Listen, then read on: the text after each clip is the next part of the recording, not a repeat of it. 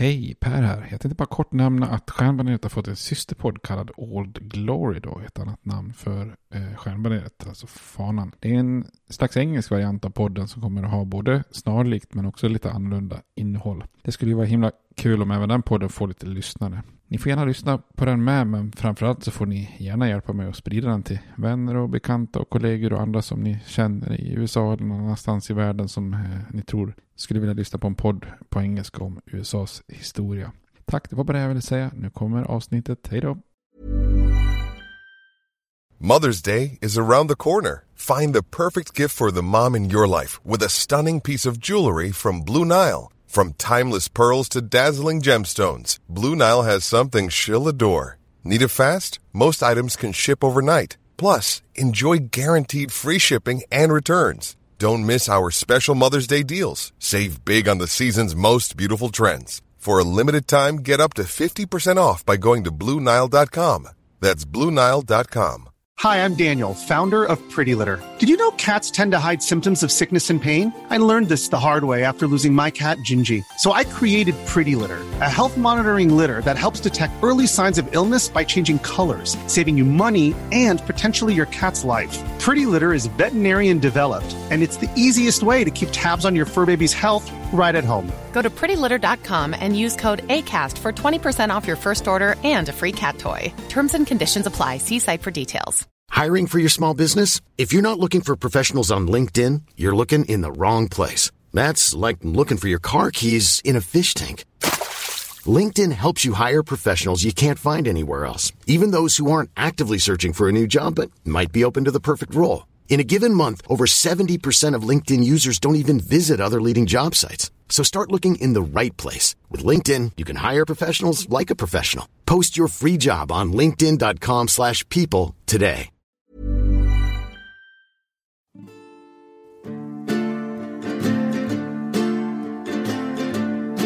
We hold these truths to be self-evident, that all men are created equal, that they are endowed by their Creator with certain unalienable rights, that among these are life, liberty, and the pursuit of happiness. Now we are engaged in a great civil war, testing that government of the people, by the people, for the people, shall not perish from the earth. And so, my fellow Americans, ask not what your country can do for you, ask what you can do for your country. I have a dream. My four little children will one day live in a nation where they will not be judged by the color of their skin, but by the content of their character. Mr. Gorbachev, tear down this wall. I did not have sexual relations with that woman, Miss Lewinsky. Hej och välkommen till Stjärnbaneret, en podcast om USAs historia med mig Per Fjärdingby. Eh, får hoppas att alla har en trevlig sommar där ute. Eh, vi rullar vidare här. Ni får sjunka ner i solstolen och, och, och lyssna på lite mer av USAs historia då. Idag ska vi fortsätta översiktsserien och eh, har ju kommit fram till eh, det skedet när Richard Nixon lämnar över presidentskapet till Gerald Ford efter Watergate-skandalen. Vi har ju haft lite fokus på Nixon i de senaste vad blir det, tre, fyra avsnitten och eh, rullar nu vidare här. USA på 70-talet.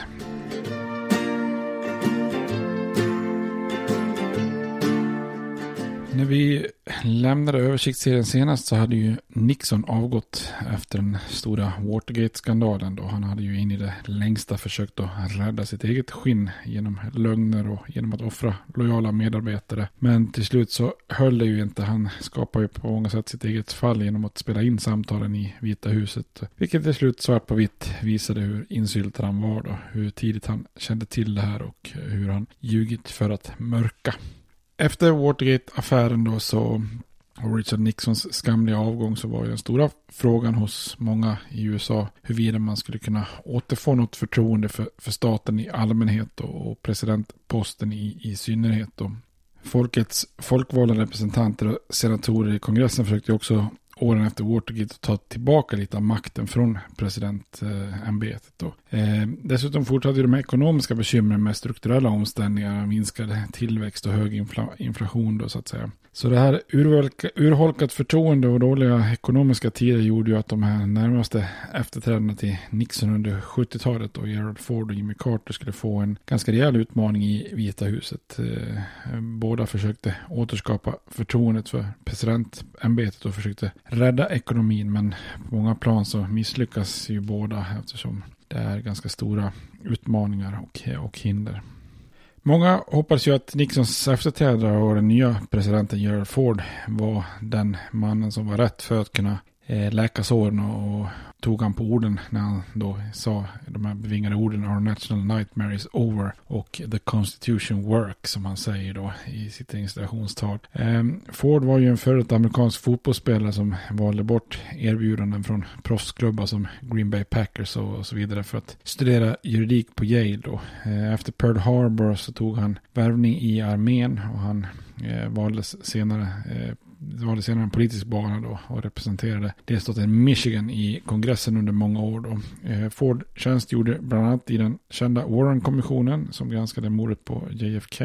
Eh, och han hade också stigit i graden och eh, var, innan han blev vicepresident så var han republikanernas minoritetsledare i representanthuset. Då. Eh, vid tiden för Watergate-skandalen så bodde ju paret Ford i en förort i Virginia i väntan på att eh, det nya huset för vicepresidenter då, det som kallas för Number One Observationary Circle, skulle färdigställas då, där till exempel Kamala Harris bor idag då. I augusti 1974 meddelade Vita husets stabschef plötsligt Ford om att han borde förbereda sig att helt enkelt flytta in i ett annat objekt då, alltså själva Vita huset då. Eh, de flesta amerikaner såg ju på Ford som en, att det verkar vara en hygglig och hedlig man då. Eh, och Ford var ju egentligen den första utsedda istället för valda presidenter på många sätt. Då, det vill säga inte vald i ett folkligt val. Då. Han nominerades ju till ny vicepresident av, av Nixon efter att Spiro Agnew hade, god, eh, efter Spiro Agnew hade avgått och hon godkändes ju av kongressen. Så alltså eh, lika folkvald som en minister eller en domare i högsta domstolen var då så att säga. Eh, och ett år, så efter ett år som vicepresident så tog han ju över i Vita huset då. Eh, Gerald Ford eh, skulle ju emellertid få det lite svettigt i, i det här försöket att försöka återskapa förtroende för staten eh, efter Vietnamkriget och Watergate eh, och de här misslyckade försöken att återställa den amerikanska ekonomin då. I kölvattnet av både Watergate och Vietnam så var ju det amerikanska folkets förtroende för, för staten hade ju sjunkit på något vis till, till botten då. Man såg på staten som en fontän av lögner som en journalist uttryckte det. Och under alla år av Vietnamkrig hade ju staten ljugit och, och på något vis blev det liksom då kulmen eh, kom ju då med Watergate eh, som, som följde efter Vietnamkriget. Då. Inledningsvis var ju Ford framgångsrik i att framställa sig som en stabil ledare som landet kunde lita på eftersom han hade ett, ett, ett, ett rykte om sig om att vara en väldigt ärlig person då. Och med ett väldigt framgångsrikt leende och förmågan att säga kloka saker så blev han ju en väldig kontrast till sin eh, föregångare Nixon då. Ett av Fords första beslut var ju att försöka få landet att lägga Vietnamkriget bakom sig. Och han utfärdade något, utfärdade något han kallar för clemency, alltså inte am amnesty, utan, alltså amnesty, utan de som hade undvikit draften eller deserterat kunde få avsevärt mycket kortare straff om de genomgick ett särskilt program då. Och för Ford var skillnaden väldigt viktig. Amnesti, det var ju detsamma som att helt förlåta någon för brottet. Medan det här clemency var ju fortfarande att erkänna själva brottet och skulden. Men med att kunna få ett mindre straff då. Men eh, Fords smekmånad slutar ju väldigt abrupt bara en månad eh, efter att han tillträtt då. Eh, och det kom ju när han gav just Nixon då Amnesty. I ett försök att lägga Watergate till handlingarna så, så chockerade ju Ford nationen när han gav Nixon amnesti. Ford menar att uppslitande rättsliga processer mot den forna presidenten bara skulle gjort saken värre. Han sa I do believe that the buck stops here att han inte ville se en eh, rättegång som blev ugly som han sa då. Eh, så eh, i det i det som han såg då som bäst för nationen så gav Ford eh, Nixon då en full free and absolute pardon för alla brott han eventuellt hade begått under sitt presidentskap. Alltså fullständig amnesti då. Och den här Nixons amnesti det blev ju lite av en jordbävning då. För många amerikaner var ju Fords agerande eh, chockerande och upprörande. Och de köpte helt enkelt inte hans argument. Mängder av arga brev och telefonsamtal strömmade in till Vita huset. Och USA var helt enkelt inte redo att lägga det här traumat Watergate bakom sig riktigt än på det här viset. Då. Och den här amnestin urholkade ju också många, mångas förtroende för Ford. Och den kopplade liksom på något vis Fords administration med Nixons då. Flera kritiker brukar ju börja då spekulera i att Ford och Nixon i hemlighet hade kommit överens om den här en slags mörk uppgörelse att Nixon utsåg Ford till eller nominerade honom till vicepresident och sedan då avgick för att då återgäldas av Ford med en amnesti som, som tack för presidentposten då. Eh, många börjar se tillbaka och minnas att Ford som vicepresident varit väldigt sen i att kritisera Nixon under Watergate till exempel. Och så här tror man att det, äh, börjar man ju fundera på att det finns någon form av korrupt uppgörelse. Ungefär likadant som man där på eh, 1820-talet trodde att det fanns en korrupt uppgörelse mellan Henry Clay och John Quincy Adams när, när, när, när, när John Quincy Adams blev, president med hjälp av Clays hjälp till exempel. Några bevis för att en sån här korrupt uppgörelse fanns har ju aldrig kommit fram och antagligen var det ju Fords egna beslut bara och hans någon slags genuin förhoppning om att åtgärden skulle kunna minska bitterheten över Watergate och om han gav Nixon amnesti då. Men för det amerikanska folket så föreföll ju Nixons amnesti orättvis av, av väldigt många skäl och för det första så stack det ju ögonen eh, att många av Nixons närmaste män skulle behöva göra tid i, i fängelse när, när deras insyltade högsta chef på något vis gick, gick fri då.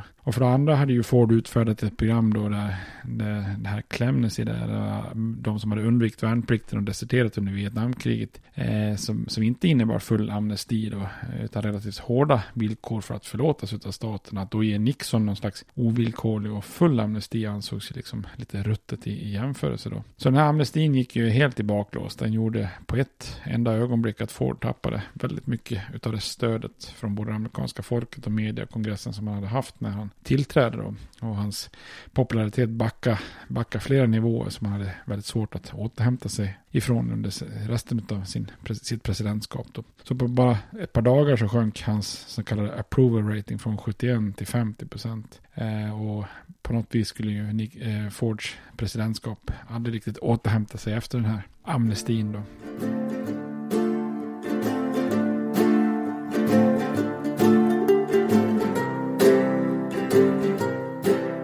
Ford hann ju knappt hämta sig förrän han fick försvara ännu en kontroversiell aktör då, i form av underrättelseorganisationen CIA. Då. Watergate-skandalen och Vietnamfiaskot hade ju skapat så lågt förtroende för staten att mängder med granskningar inleddes. Då. Och en av de aktörerna som granskades var just CIA. Då. Eh, en undersökande reporter på New York Times, Seymour Hersh, publicerade en artikel där han anklagade CIA för ett, för ett massivt spionage och illegala aktivitet, aktiviteter. Då. Eh, artikeln byggde på en topphemlig intern rapport från CIA på 693 sidor som hade läckt ut. Då. Och flera andra journalister och tv-bolag tog upp den här tråden och, och CIA hamnade verkligen i hetluften. Då. President Ford han försökte återskapa förtroendet för CIA genom att låta byrån erkänna vissa av de här sakerna de var anklagade för. Eh, men även den här åtgärden slog lite grann i baklås och vissa saker som kom fram i ljuset var ju häpnadsväckande. Eh, kongressen inledde genast utredningar mot CIA och Ford startade också en egen eh, presidential commission för att utreda då, eh, med vicepresident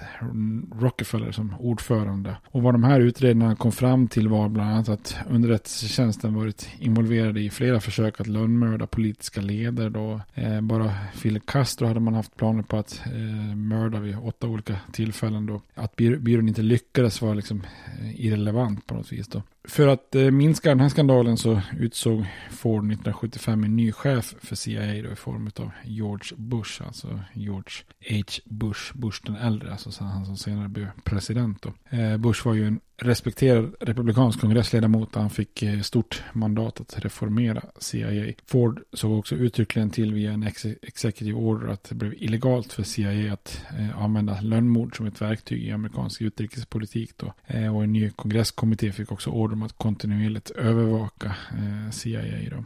Så den här amnestin av Nixon och CIA-skandalen var ju en dålig start på Fords presidentskap och det var ju en start han hade svårt att återhämta sig från då. Eh, ett annat bekymmer för Ford var ju hans konstanta kamp med kongressen då. Och på ett sätt var det lite märkligt eftersom Ford, han hade ju sin bakgrund som kongressledamot. Han hade ju varit minoritetsledare då för Republikanerna. Och Ford hade ju varit i kongressen i många år och borde kanske varit en president som visste hur man fick igenom förslag lite mer som Lyndon B. Johnson. Men, men Ford hade under alla de här åren eh, i, kongressen inte lagt speciellt mycket egna lagförslag och var, han var inte speciellt konstruktiv politiker heller då. Istället hade han snarare gjort sig känd som en republikan som snarare röstade emot alla liberala eh, demokratiska förslag då. Eh, och hans, den här motvallsinställningen fortsatte lite grann som president. Han la väldigt många veton mot liberala lagförslag och eh, på bara ett år använde han sin vetorätt 39 gånger till exempel.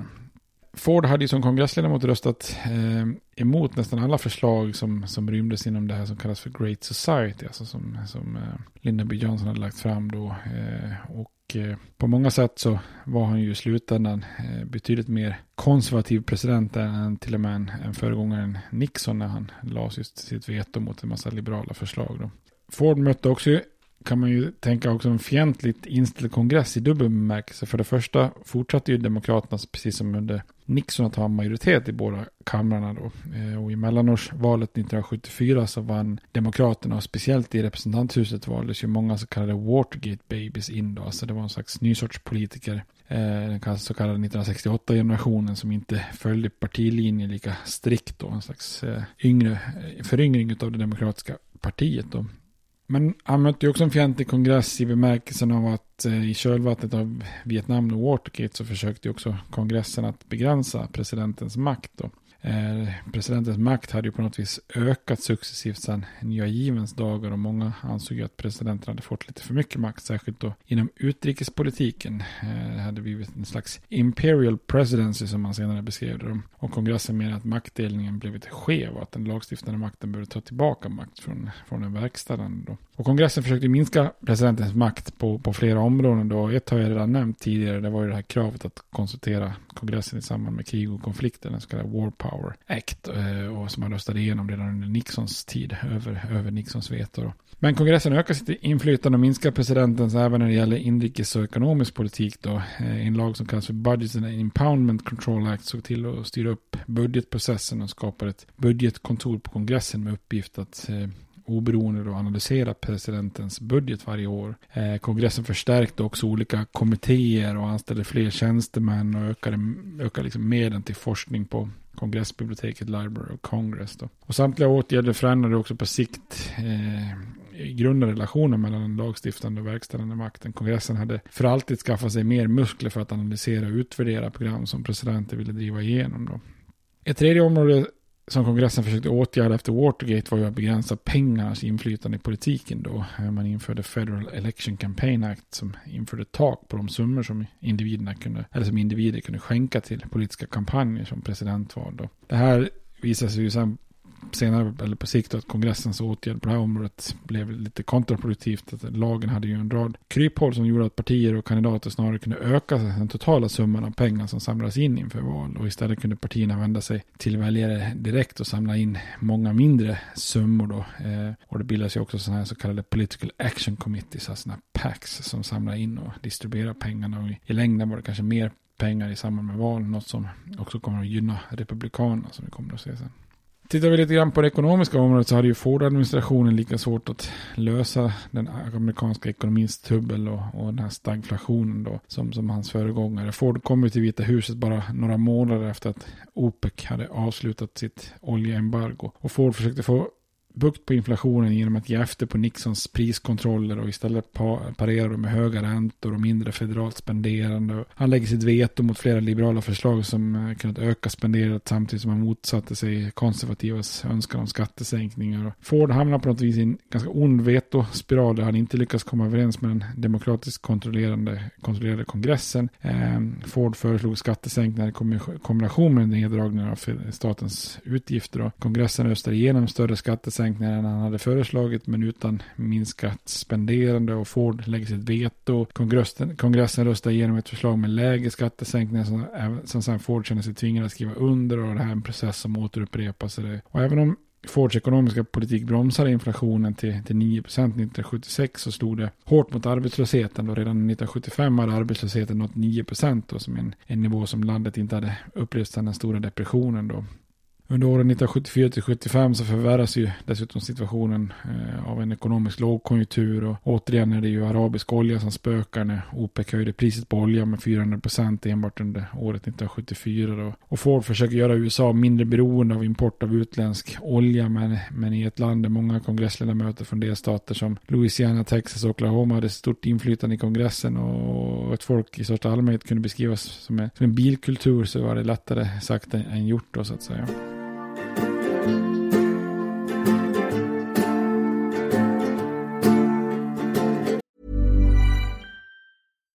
Here's a cool fact a crocodile can't stick out its tongue. Another cool fact you can get short term health insurance for a month or just under a year in some states. United Healthcare short term insurance plans are designed for people who are between jobs, coming off their parents' plan, or turning a side hustle into a full time gig. Underwritten by Golden Rule Insurance Company, they offer flexible, budget friendly coverage with access to a nationwide network of doctors and hospitals. Get more cool facts about United Healthcare short term plans at uh1.com. Hey, it's Ryan Reynolds, and I'm here with Keith, co star of my upcoming film, If, only in theaters, May 17th. Do you want to tell people the big news? All right, I'll do. Sign up now and you'll get unlimited for $15 a month in six months of Paramount Plus Essential Plan on us. Mintmobile.com slash switch. Upfront payment of $45 equivalent to $15 per month. Unlimited over 40 gigabytes per month. Face lower speeds. Videos at 480p. Active Mint customers by 531.24 get six months of Paramount Plus Essential Plan. Auto renews after six months. Offer ends May 31st, 2024. Separate Paramount Plus registration required. Terms and conditions apply if rated PG.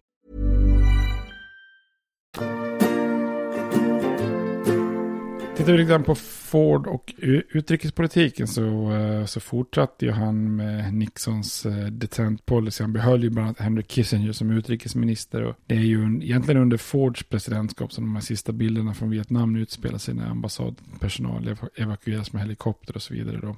Det här avslutandet av, av Vietnamkriget var ju inte det sista dramat i Sydostasien heller då. I maj 1975 hade ett amerikanskt handelsskepp i namn Mayaguez tagits över av kambodjanska flottan och, och förts till en ö då. Och när nyheten nådde Ford visste man inte vad som hade hänt de här 39 amerikanska sjömännen ombord på det här skeppet. Och två dagar efteråt beslutade sig Ford för att marinsoldater skulle slå till mot ön för att befria besättningen. Och den här operationen blev ju ett eh, riktigt fiasko då. De amerikanska sjömännen hade redan förflyttats från ön och under genomförandet eh, uppgick, amerika uppgick amerikanska förluster till 15 marinsoldater och 8 helikoptrar. Och av oklara anledningar så valde ju Kambodja att slämma, släppa fångarna fria bara några timmar efter operationen i alla fall. Då.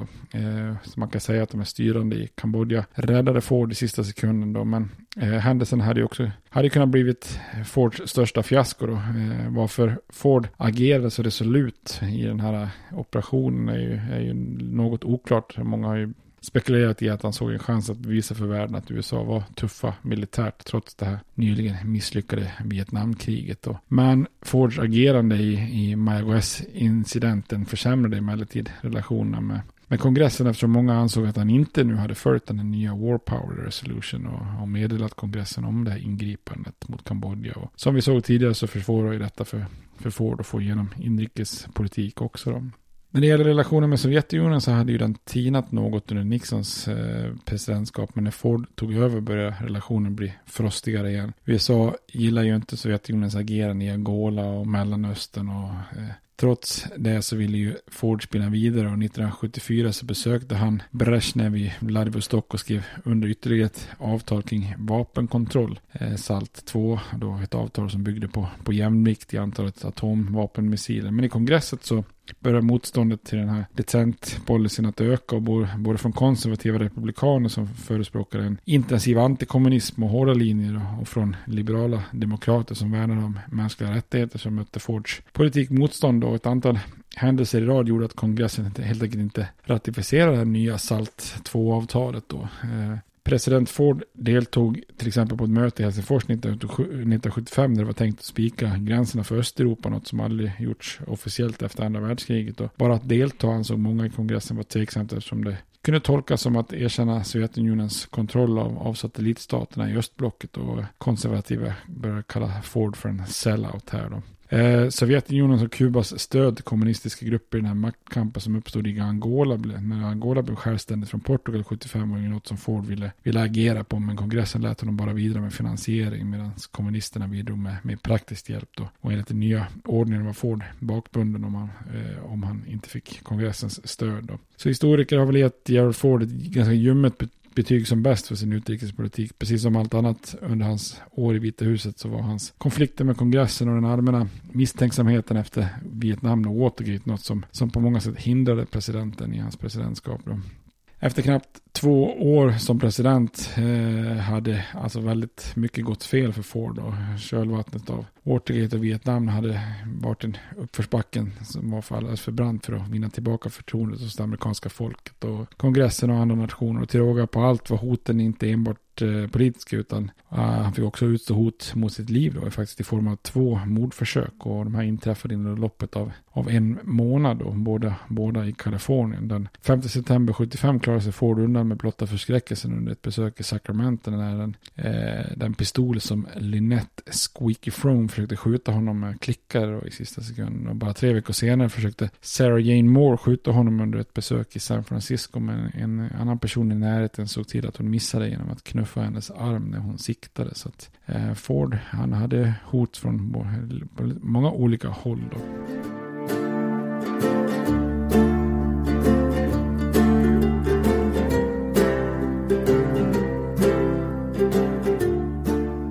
1976 är det ju dags för USA att hålla ytterligare val då, bland annat presidentval då. Och inför presidentvalet hade ju Ford chansen att kunna bli, bli så att säga omval eller egentligen då folkvald för första gången. Eh, eh, han hade ju liksom bara nominerats och aldrig varit folkligt vald. Så här hade han ju chansen att bli det för första gången. Men mycket hade ju alltså gått fel för Ford och det var frågan om han ens kunde bli sitt eget partis kandidat. Eh, då. Man kan säga att Ford inför presidentvalet 1976 var under attack både från, från höger och vänster. Eh, redan när Ford hade nominerat den liberala Nelson Rockefeller som ny vicepresident istället för George H. Bush hade den konservativa delen av Republikanerna blivit lite arga Eh, Barry Goldwater hade inte ens röstat för Rockefeller då i, när han utsågs då. Ja, för att blidka de här konservativa krafterna så, så dumpar ju ändå Ford Rockefeller inför valet 1976 och tog in Bob Dole som vicepresidentkandidat då. Men trots det så mötte Ford 76 en ganska stark utmaning inom det republikanska partiet från partiets konservativa del och i form av Kaliforniens forne guvernör Ronald, Ronald Reagan då. Eh, konservativa republikaner hade varit tveksamma mot eh, Forderna Ford redan från början och misstänkte att det inte var konservativt nog. Och när Ford hade utsett Nelson Rockefeller som vicepresident hade ju liksom topplocket gått på många konservativa. Rockefeller var tillräckligt moderat för att gå hem hos många demokrater men han avskyddes liksom av konservativa republikaner då.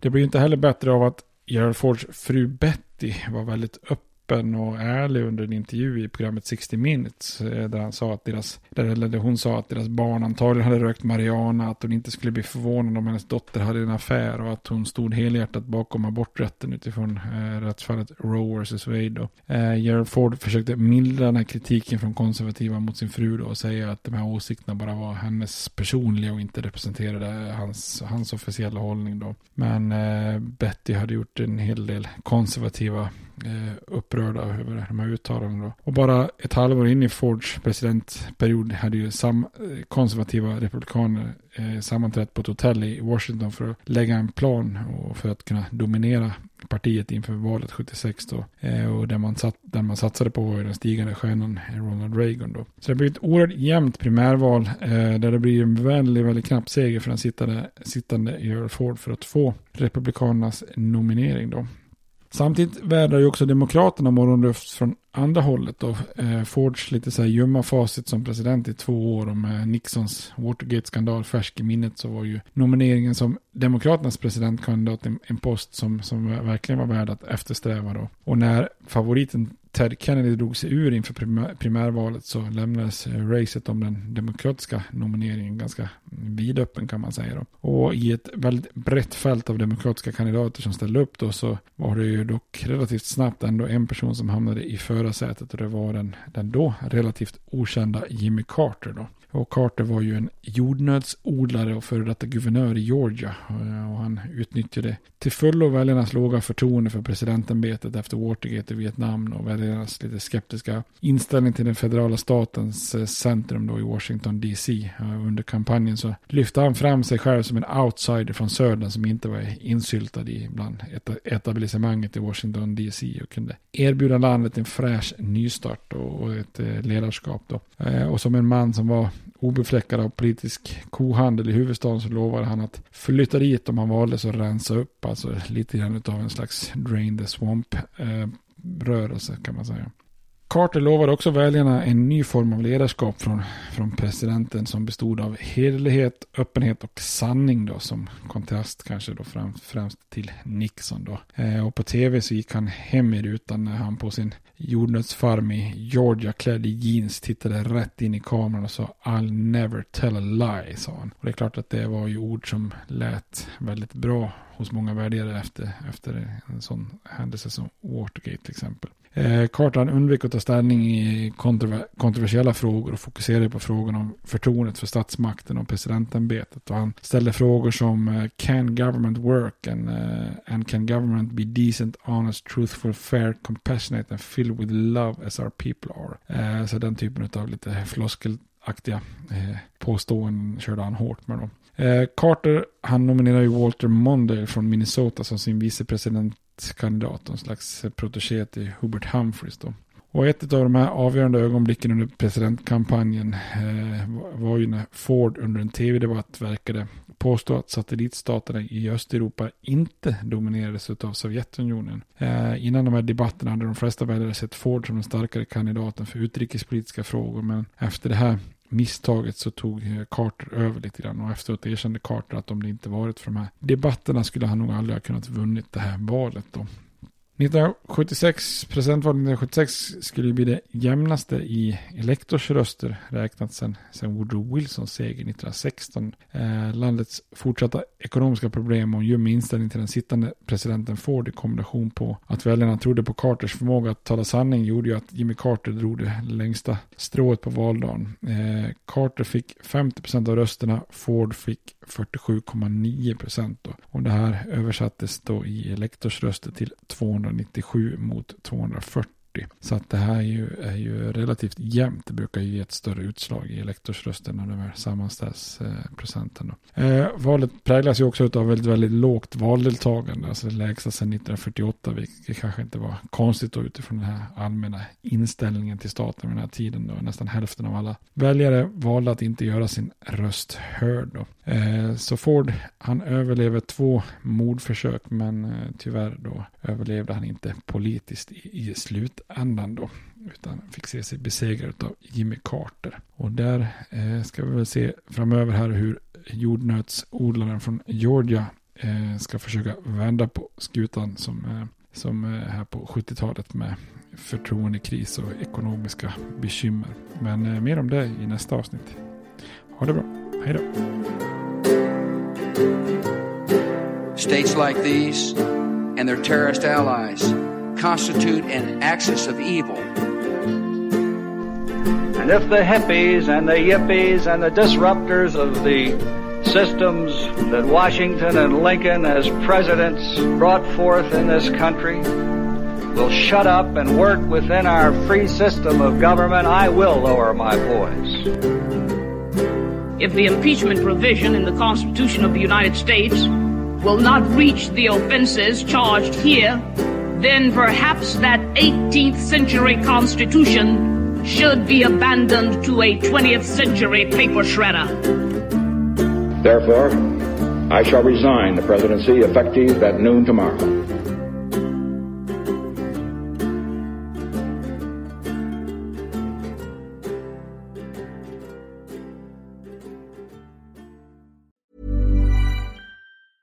Even when we're on a budget, we still deserve nice things.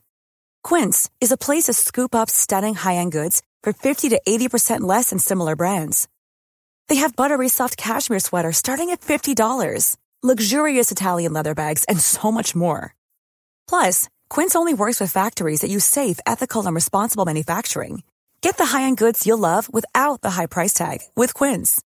Go to quince.com slash style for free shipping and 365-day returns.